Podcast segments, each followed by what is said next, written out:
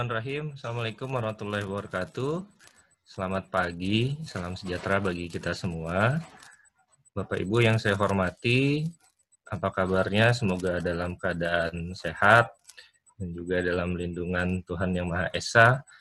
Untuk kesempatan kali ini, saya akan membahas mengenai registrasi OAI PMH yang mana memang ini menjadi salah satu tools yang dapat digunakan oleh Bapak Ibu dalam hal pertukaran data dan juga diseminasi dan lain sebagainya. Sebelumnya saya mau konfirmasi apakah screen saya terlihat? Terlihat, Pak. Terlihat, terlihat ya? Ya, kelihatan, Pak, kelihatan. Oke. Saya mulai saja. Jadi dari segi definisi, definisi dari OAI PMH ini adalah sebuah bentuknya adalah protokol. Kalau panjangannya adalah Open Archive Initiate, yang mana ini merupakan salah bentuk eh, salah satu bentuk protokol dalam hal pertukaran data yang nantinya aplikasi antara satu dan juga yang lain itu dapat berkomunikasi dan bisa saling mengirimkan datanya baik dari sisi server ke klien ataupun dari sisi klien to klien sehingga bisa saling melengkapi satu sama lain. Nah, di dalam OAI PMH ini memang sudah banyak digunakan di beberapa aplikasi. Salah satunya adalah Open Journal System pada versi 2 itu sudah diterapkan OAI PMH. Kemudian di versi 3 dari OJS juga demikian sudah uh, dijalankan dan uh, prosesnya memang ada beberapa uh, kolom ataupun fungsi yang ditambahkan sehingga mempermudah dalam hal implementasi OAI PMH jika kita menggunakan OJS 3. Nah, itu pengalaman saya yang mana nanti mungkin bisa saya jelaskan lebih lanjut pada slide berikutnya. Yang kemudian tujuan dari OAI PMH adalah yang pertama adalah dapat terhubung dengan mesin indeks. Eh, kalau kita bicara masalah akreditasi jurnal nasional di 2019-2020 ini bagi jurnal-jurnal yang akan masuk ke dalam uh, Arjuna atau mau melakukan penilaian akreditasi jurnal itu mengharuskan uh, terindeks terlebih dahulu di dalam Garuda yaitu uh, mesin indeks yang mana bentuknya agregator pengumpul dari jurnal-jurnal yang ada di Indonesia. Nah, ini dikelola oleh Kemenristek BRIN. Jadi kalau sudah terindeks di dalam Garuda, baru bisa melakukan uh, bentuk penilaian di dalam Arjuna. Kalau tidak, biasanya terkendala di dalam evaluation dex, sehingga ada uh, informasi yang tersampaikan oleh eh, evaluator ataupun dex evaluator nanti uh, harus diperbaiki terlebih dahulu oleh uh, pengelola sehingga nantinya ketika sudah bergabung baru bisa memulai proses penilaiannya.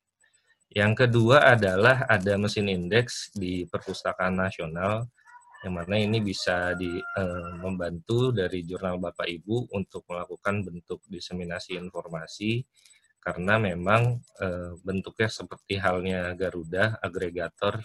Jadi eh, URL URL-nya itu akan diarahkan kembali ke masing-masing penerbit sehingga eh, meningkatkan traffic juga bagi tiap pengelola jurnal. Nah, itu adalah Indonesia One Search yang mana memang sudah dijalankan sejak 2015 oleh Perpustakaan Nasional. Nah, itu dua mesin indeks nasional yang menggunakan OAI PMH sebagai alat pertukaran datanya. Yang kedua adalah proses diseminasi informasi yang mana tadi sudah saya sedikit sambung. Kemudian yang ketiga branding dari jurnal. Nah, branding di sini uh, adalah biasanya ada pertanyaan-pertanyaan gitu ya Bapak Ibu ya di dalam autor kita ketika uh, mau submit ke dalam jurnal apakah sudah terindeks di mesin indeks A atau sudah terindeks di mesin indeks B. Nah, di situ kan ada bentuk brandingnya. Kalau misalnya kita sudah sampai tahap terindeks, nah itu biasanya branding kita juga eh, menaikkan gitu ya branding dari jurnal kita sehingga dapat mempermudah dalam hal penerimaan naskah jurnal kita. Lalu yang keempat adalah mendukung peningkatan akses traffic dari jurnal, yang mana ini bisa meningkatkan juga misalnya ada tools visitor counter kemudian ada juga uh, untuk produknya ada state counter ada high stats jadi kalau tiap hari kita ada yang uh, mengakses otomatis ada bentuk rekapnya ada bentuk grafiknya kalau bicara akreditasi itu penyebar luasan ya di dalam tahapan penyebar luasan itu bisa meningkatkan penambahan bobot nilai dari jurnal kita ketika kita memang sudah uh, sedang apply akreditasi jurnal nasional. Nah, itu tujuan dari OAIPMH. Kemudian uh, ini udah kita masuk ke ranah teknis, yang mana di dalam OAIPMH ini dalam tahap awal diperlukan ada bentuk cek validasi terlebih dahulu. Nah ini ada tools yang cukup banyak yang memang digunakan di dalam uh, perjurnalan ya, yang biasanya adalah validator.oipmh.com. Nah, ini merupakan salah satu tools yang pada umumnya digunakan yang menjadi indikator adalah ketika melakukan bentuk e, pengecekan, semua di dalam enam komponennya itu bisa menghasilkan warna hijau. Jadi kalau semua komponennya warna hijau, itu berarti dari segi server dan aplikasi memang sudah siap digunakan untuk pertukaran data. Namun memang ada beberapa yang eh, kendala-kendala, eh, misalnya ketika di dalam jurnal setting itu belum disertakan nama kontak. Nah, di sana bisa jadi eh, ada eh, pengecualian dengan highlight warna merah sehingga ketika kita cek, oh itu ada semacam error. Jadi harus kita perbaiki terlebih dahulu dari sisi aplikasi kita. Lalu ada juga oai.clarin.pl.eu yang ini cukup uh, sering juga digunakan di pengelola jurnal. Nah, di sini memang cukup uh, lebih lebih lengkap ya ketimbang validator jadi dapat membantu kalau misalnya memang ada bentuk-bentuk error yang memang lebih spesifik ketimbang hanya tadi hanya uh, kurang dalam hal kontak ataupun dalam hal email sehingga nantinya Bapak Ibu bisa menindaklanjut jika memang dalam tahap OIPMH-nya itu validasinya ada kendala, ada masalah, ada error sehingga bisa segera diperbaiki. Yang berikutnya dalam tahapan melakukan bentuk aktivasi. Jadi aktivasi OAI PMH ini prinsipnya memang sudah di-enable kan Bapak Ibu. Jadi sudah aktif, sudah bisa digunakan secara langsung. Namun memang harus ada bentuk pemanggilan. Pemanggilan di sini ada satu file yang bisa uh, kita harus klik atau kita harus ketik di dalam browser sehingga bisa menghasilkan satu uh, protokol OIPMH itu sendiri. Nah, di dalam tahapan uh, OJS 2 dan OJS 3 pada prinsipnya itu sama karena cukup melakukan proses uh, pengetikan penambahan di dalam tiap jurnal. Nah, ini ya perlu digarisbawahi kalau mau aktifkan OIPMH itu bukan dalam bentuk beranda ataupun dalam bentuk rumah multi jurnalnya, tapi di dalam bentuk uh, jurnal per uh, item ataupun single jurnalnya seperti itu Bapak Ibu. Nah, di dalam single jurnalnya itu kita tinggal menambahkan saja misalnya seperti ini OJS 2 adalah http slash ejurnal.abcd.ac.id slash index.rp. Nah, ini nama pet jurnalnya dari Bapak Ibu, misalnya JPM ataupun misalnya eh, apa pun lah misalnya wawasan atau yang lain sebagainya sehingga nanti ketika dipanggil tinggal ditambahkan ada garis miring OAI. Nah, di sini kalau sudah sampai tahap seperti ini akan menghasilkan tampilan OAI PMH. Lalu kalau untuk di OJS 3, ini juga eh, prinsipnya sama saja, tinggal kita tambahkan setelah nama dari pet jurnal. Nah ini kan pet jurnal tadi sudah disampaikan oleh Pak eh, Muklis di sesi pertama, bagaimana cara menambahkan pet jurnal ketika melakukan bentuk instalasi. Nah di sini Bapak Ibu perlu cek di dalam administrator jurnalnya, tinggal ditambahkan saja. Nah, ini pada dasarnya ada singkatan ataupun ada nama lengkap dari jurnalnya sehingga tinggal ditambahkan saja slash OAI seperti itu.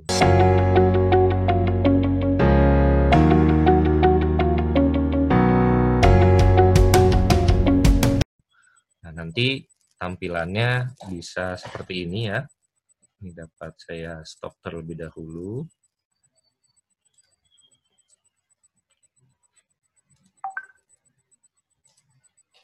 Nah, ini tampilan-tampilannya Bapak Ibu. Jadi kalau uh, yang OJS 3 ketika kita uh, cari dengan penambahan seperti ini ya, slash, nah ini petnya IPB, slash OAI, ketika kita reload, di dalam list recordnya ini dapat muncul dengan lengkap berdasarkan Dublin Core metadata. Ini Dublin Core kan ada 14 ruas ya Bapak Ibu.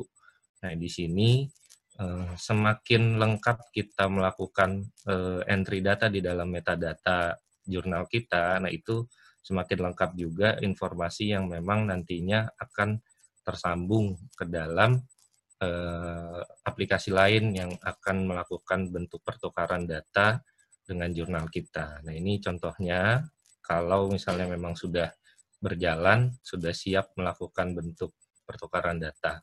Nah, kalau misalnya kendala, nah seperti halnya ini, nah ini di OJS 2, kenapa ini tidak ada datanya? Karena memang kalau kita klik di sini, ini masih kosongan, masih belum ada bentuk setting. Nah, kalau di OJS 2 ada bentuk setup, kalau di OJS 3 ada di setting wizard atau setting di jurnal atau setting di website. Jadi kalau sudah ditambahkan, baru dia bisa menghasilkan dalam bentuk seperti ini.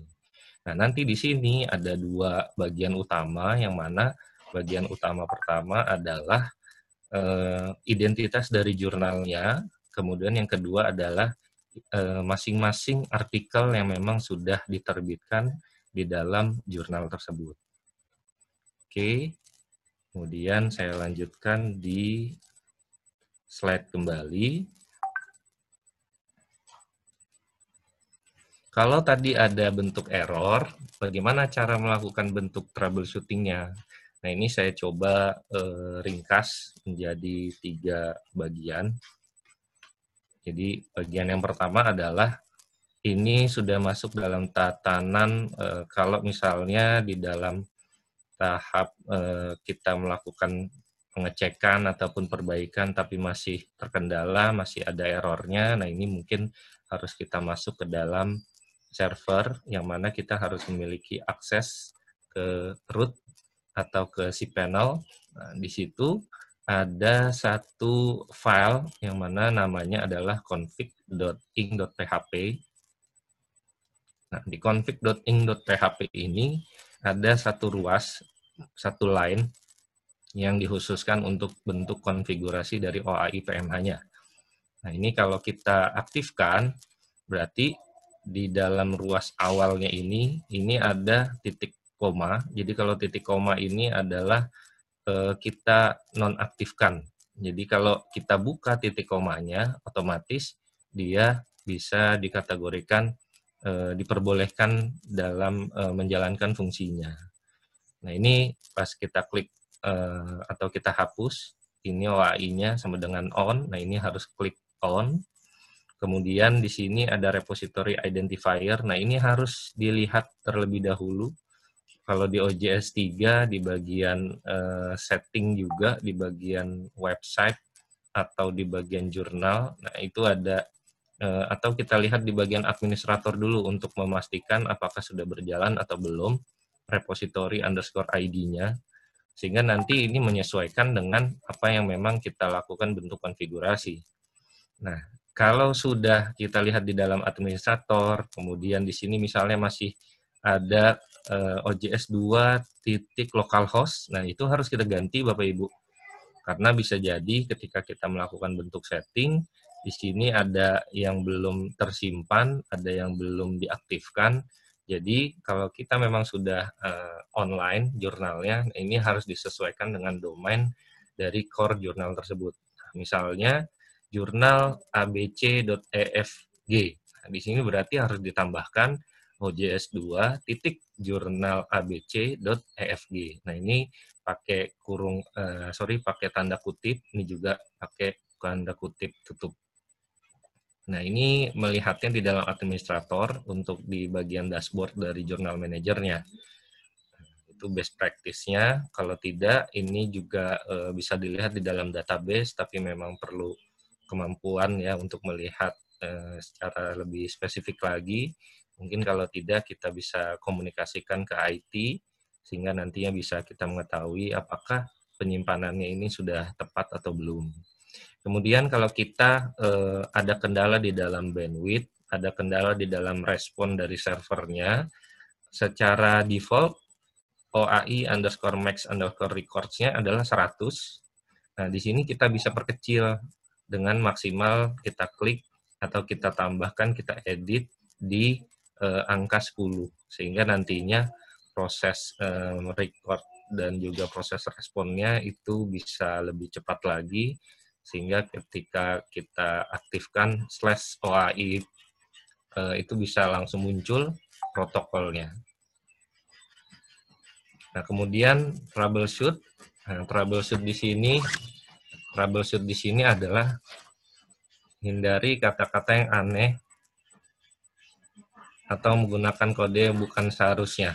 Jadi di sini ketika melakukan setting jurnal, kita harus memastikan juga ataupun kita kita publikasikan artikel kita kita jangan tiba-tiba melakukan bentuk copy paste saja sehingga pas di dalam uh, pengentrian uh, kolom metadatanya itu ada yang tidak sesuai dengan eh, kata-kata uh, yang memang seharusnya diterbitkan di dalam jurnal. Nah, misalnya ada kode-kode uh, tertentu, ada titik koma ataupun ada hal-hal lain yang memang belum uh, sesuai gitu ya dengan kolom dari uh, penulisan di dalam kaidah perjurnalan, nah itu sebaiknya perlu dihindari. Karena Dwi, tinggal tiga menit ya Pak Dwi. Baik baik Bu. Ya tinggal tiga menit. Pengalaman juga, jadi sepengalaman saya ini perlu dilakukan bentuk eh, perbaikan dari sisi editornya jadi kita bisa mengkomunikasikan, misalnya kita sebagai jurnal editor, jurnal editor itu harus diaktifkan kembali, kita komunikasikan ke pihak editor, sehingga editornya bisa memperbaiki eh, tiap jurnal eh, setting ataupun tiap artikel eh, dan bisa normal kembali seperti itu. Lalu untuk di OJS 3 ini perlu dicek pada setting distributionnya jadi di dalam OJS 3 ada eh, dashboard, setting, kemudian distribution, kemudian akses. Nah, di sini Bapak Ibu harus memastikan kalau eh, proses pemilihannya adalah opsinya the journal will provide open access to its content. Jadi kalau eh, kita settingnya memang eh, selain dari opsi ini, ada beberapa kendala, ada beberapa eh, pengalaman dari melihat forum juga komunikasi dengan rekan-rekan pengelola jurnal lainnya eh, menghasilkan bentuk error di dalam pengaktifan OAI PMH-nya. Oleh sebab itu, ini perlu dipastikan agar bisa dipilih opsi the journal will provide open access to its content. Baik, mungkin eh, demikian yang bisa saya sampaikan terkait eh, OAI PMH jika ada uh, yang ingin dikomunikasikan, uh, mungkin bisa nanti ya pada sesinya. Saya kembalikan lagi ke Ibu Moderator. Uh, waktu dan tempat dipersilakan. Saya ucapkan terima kasih. Assalamualaikum warahmatullahi wabarakatuh. Ya, makasih ya Pak Dwi. Sama-sama Ibu.